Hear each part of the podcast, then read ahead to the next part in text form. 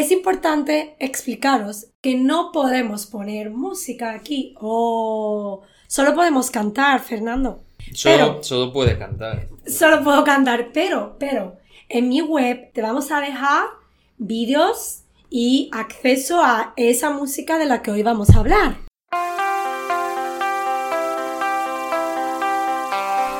Bienvenido, bienvenida. Yes, this podcast will be in Spanish, but first, let me tell you that this is Carmen, an online teacher with a mic, who has typed the transcripts, translation, and a list with vocabulary words for you to check them after you listen to this podcast, not before.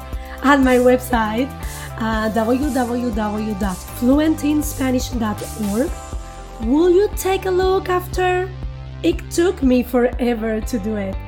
This podcast is also a video, and the video version will be available at the link right above the transcripts, but about a week after I upload the podcast. Hola amigos del canal, soy Carmen. Y Yo soy Fernando.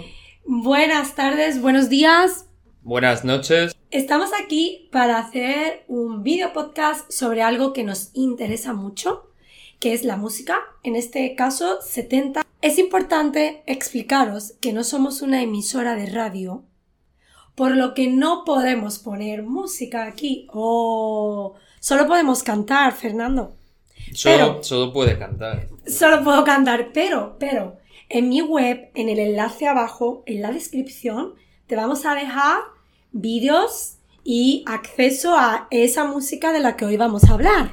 Sí. Y tú querías explicar algo. Yo quería decir que, aparte de que no somos expertos, aunque sí somos grandes amantes de la música, pero al no ser expertos y ser algo inabarcable, más aún cuando vamos a tratar también música hispanoamericana, no solo música de España, Claro. y ya adelanto que Carmen es una gran conocedora de Hispanoamérica y de su música, pero no podemos abarcar todo, se nos van a pasar miles y miles y miles de cosas. Entonces, eh, si hay algo que os interesa especialmente, decidlo, dejadlo en comentarios y Carmen se compromete a hacer un podcast específico sobre aquello que os interese. Por supuesto, como siempre, tienes la transcripción, la traducción, listado de vocabulario y los vídeos, importantísimo, en el enlace abajo a mi página web. Fernando, ¿qué es para ti la música? Ah, ¿Dónde sueles escucharla? ¿Cómo? ¿Cuándo? Yo creo que para mí la música es eh, quizá la forma de arte que más eh, rápido es capaz de, de emocionar y de producir sensaciones. Quizá porque, porque directamente alude a una parte inconsciente. o- Sí, sí, muy buena definición. Sí, Sí, porque además la música consigue llegar a cualquier rincón, a cualquier persona. Hay otras formas de arte que son más, más elitistas, que quizás no todo el mundo disfruta. bueno, en ese sentido, pero eso tiene, es otro podcast ya. Yo Sí. diría que si es arte, Sí, tiene que ser universal. sí, Y, sí, pero mucha gente no, No vamos- estará no vamos a- de acuerdo con seguramente. nosotros. Ojalá haya mucha gente que no esté de acuerdo. Y haya diversidad de, opiniones.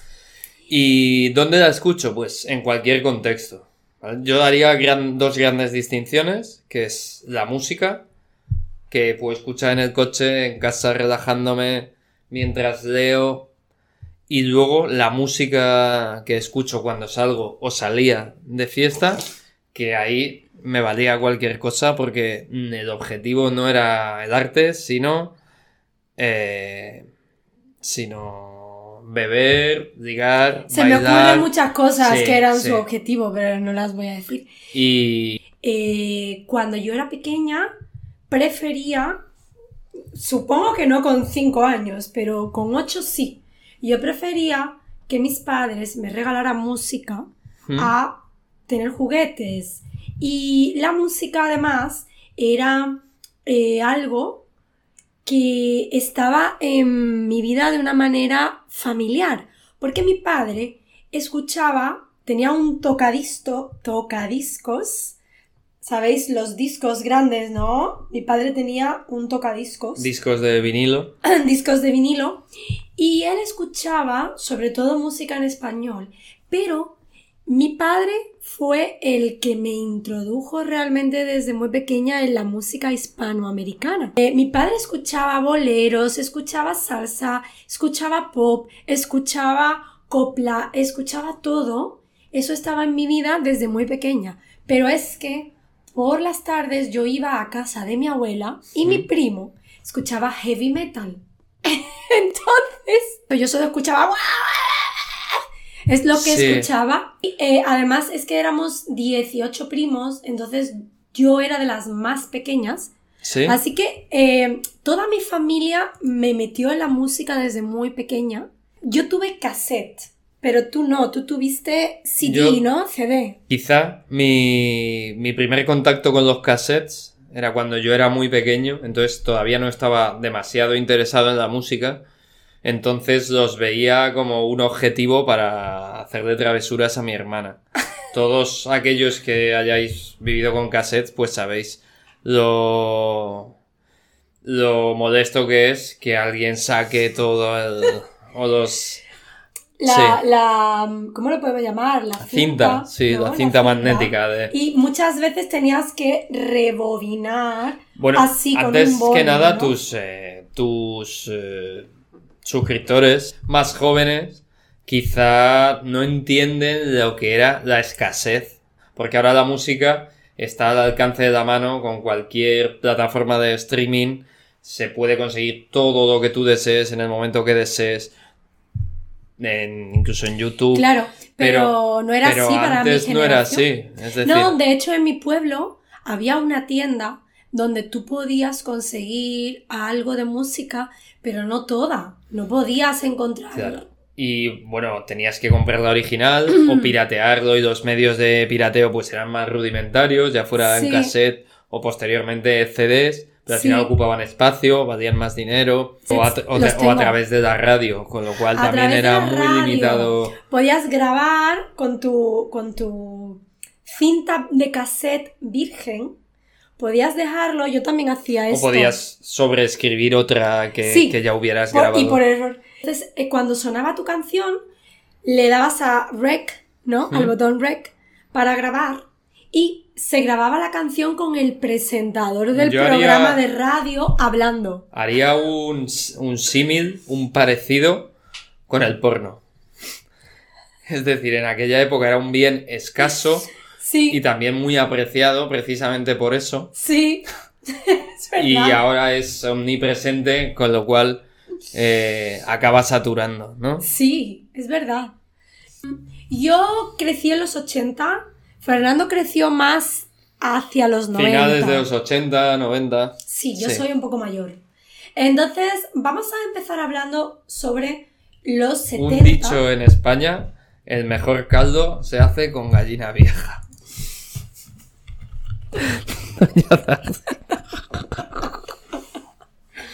Empezamos por la música de los 70 porque cuando yo nací, todavía, ¿Mm? era, era el último año, pero esa música continuó en los 80.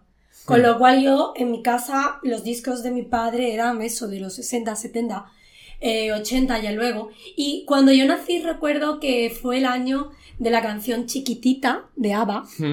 Y mi madre, que eh, me esperaba mi nacimiento muy emocionada, pues ella piensa que esa es mi canción. Qué bonito. Sí, siempre me lo dice. Eran los años de, de Donna Summer, de Michael Jackson, eran los años de David Bowie. Pero, ¿qué estaba ocurriendo en España en esa época?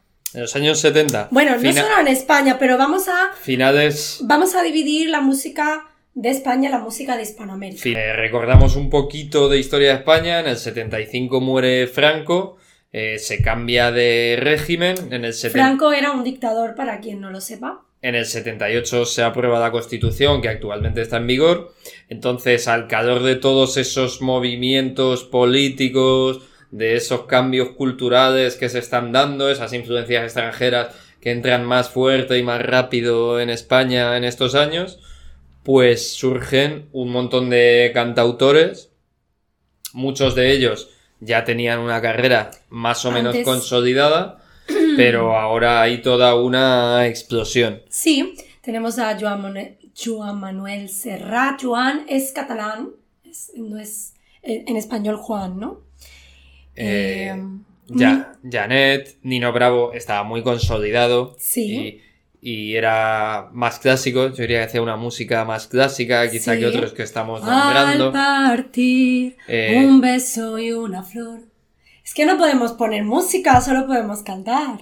Pero bueno, tenemos por ejemplo la canción de Libre de Nino Bravo. Libre como el... ¿No cantas? No, no. Bueno, Ni- Roberto Carlos, que era muy famoso, que era un cantante brasileño que cantaba en español. Este es el del gato que está triste y azul. Exacto. Eh, Camilo VI, Mocedades, Camilo Rafael. VI, Camilo VI, no sexto. sexto. Pero bueno, estamos mencionando cantantes clásicos que ya eran estrellas. ya eran estrellas. Antes de, de- del cambio Claro. de régimen. En ese ámbito que hablamos, pues estaba más Serrat, Sabina, eh, Javier Crae, Sí. Manuel Ríos. Ya, ya venían de antes mujeres como Manuel Ríos, he dicho, Miguel Ríos. Miguel Ríos. Ya no venían de gusta, antes ¿no? mujeres muy importantes como Rocío Jurado y Rocío Durcal. También. Sí, pero eran, eran géneros clásicos de la Sí. música española. ¿vale? Y, No, son, no son propios de esta época. y es en los 80 cuando ya está consolidado, de hecho, Camarón de la Isla, Camarón de la Isla. que cantaba flamenco. Yo creo que es el que populariza, ¿no? Hace mainstream. eh, no mainstream, pero sí es la gran estrella del flamenco que trasciende al mundo que habitualmente había estado. Claro, es que esta es la historia de siempre. Cuando alguien consigue que un género trascienda, inevitablemente es mainstream. Pero eh, parece a veces que eso es algo eh, como un adjetivo para denostar algo. Y en realidad, ¿qué ocurrió, por ejemplo, qué ha ocurrido con Mark Anthony la salsa, ¿no? ¿Mm? que es alguien que lo hace tan bien, ¿no? ¿Y por qué tenemos que decirlo como algo Yo- malo? Yo no, no lo he dicho como algo negativo. no, no, pero para muchas pero personas. esto es, un poco como el culturismo. El culturismo antes de, de Arnold Schwarzenegger era una disciplina deportiva de raritos. De esa gente. de gente rara, Y entonces raritos. él lleva eso a otro nivel en el que empieza a ser conocido y apreciado por todo el mundo. Claro. Pues pasa igual en la música. Es Sí. decir, Pues el mérito ahí lo tuvo Camarón. In order to avoid Sí, yo a diría que illegal sí. copy of this podcast, I just want to say here in the middle of the podcast that this is an original podcast from fluentinspanish.org. Para evitar la copia ilegal de este podcast, solo quiero decir aquí en medio, de repente, que este es un podcast original de fluentinspanish.org. Um, y en Hispanoamérica estaban pasando muchas cosas, porque, claro, en, toda este, en todos estos años, la música de, de España se filtra a Hispanoamérica, pero la música de Hispanoamérica se filtra a España, ¿no? Mm. Ya decía yo que mi padre escuchaba discos de boleros, que es un género musical que empieza en Cuba. Y claro, a- además de los cantantes de aquí, teníamos por ejemplo a Silvio Rodríguez, cantautor cubano, también en la línea de lo que tú mencionabas, ¿no? Ese cantautor un poco que denuncia. Juan Gabriel, Juan Gabriel es considerado, es, es un ídolo en México. ¿Mm? Y además es compositor de muchísimas canciones que, que mucha gente no sabe.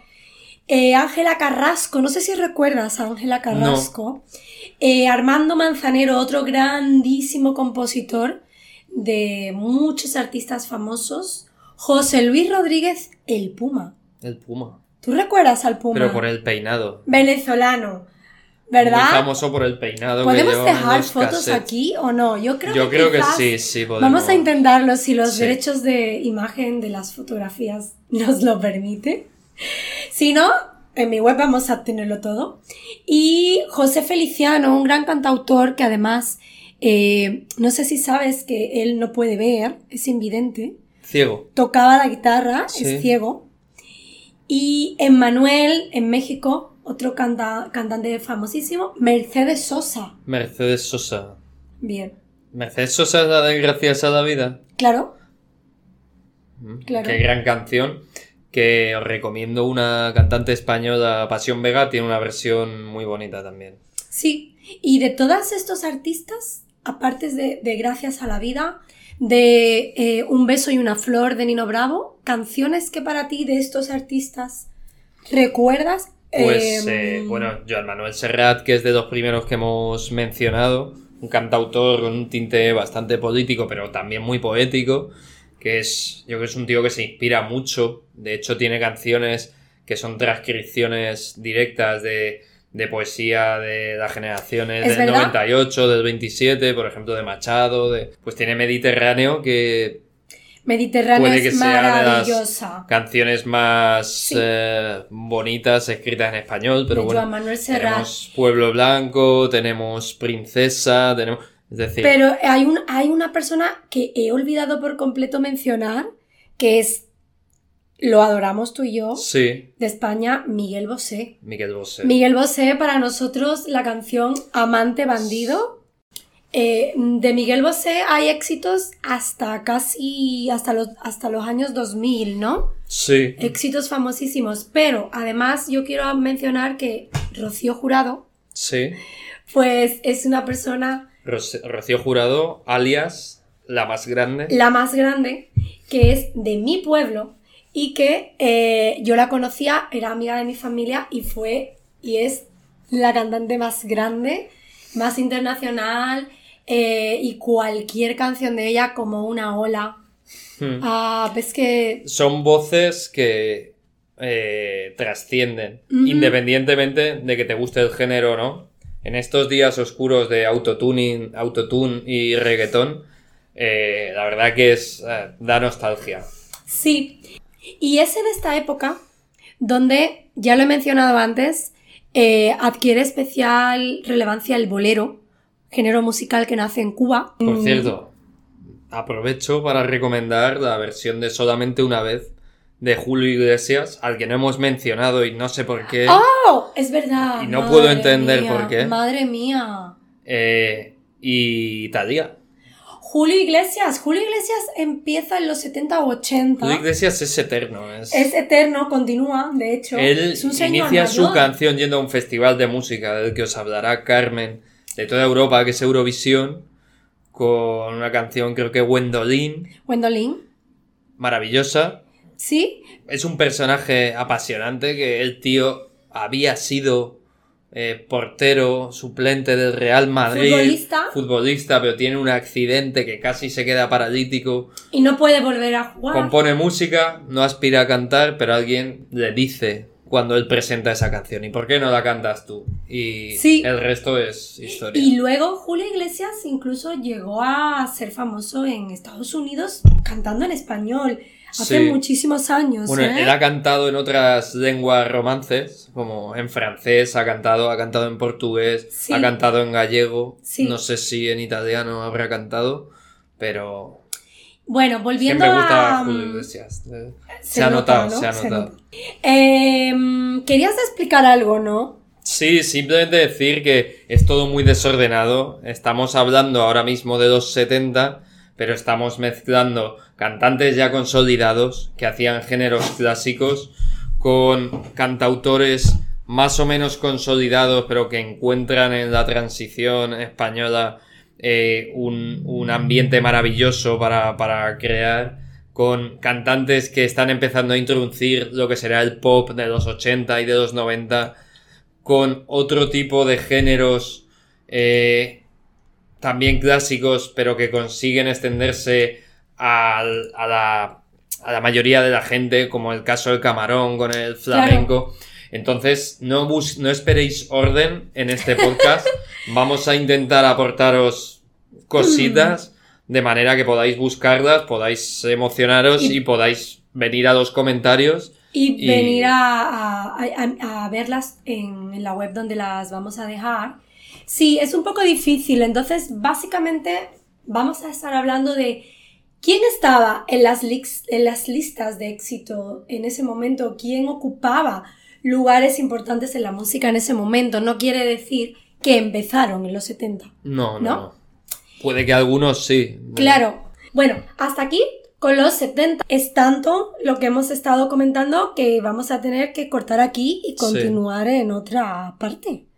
Así que nos veremos en el próximo podcast. Vamos a continuar para que no sean eh, enormes, ¿no? Sean súper largos. Ahora... Pediría perdón por el auténtico caos de nombres de canciones que es este podcast. Sí. Solo eh, queremos eh, daros ideas para que os acerquéis al español por en esta época que es maravilloso. Una cosa importante que voy a decir es que es una pena que no podemos incluirlo todo aquí, pero que para eso está mi web, donde los derechos de autor sí están permitidos con vídeos. Soy Carmen, él es Fernando. Muchas gracias por vuestro tiempo y hasta pronto. Seguid aprendiendo español. How was it? I highly recommend you to go now to my website fluentinspanish.org and make sure you understood everything by checking the transcripts and translation. Another thing you can do is start the next podcast by reading the vocab list first. I have it below the transcripts. Then listen to the podcast and then listen again and read. There are different ways to do it. You choose. Let's work together on your goal of becoming fluent in Spanish. Hasta pronto!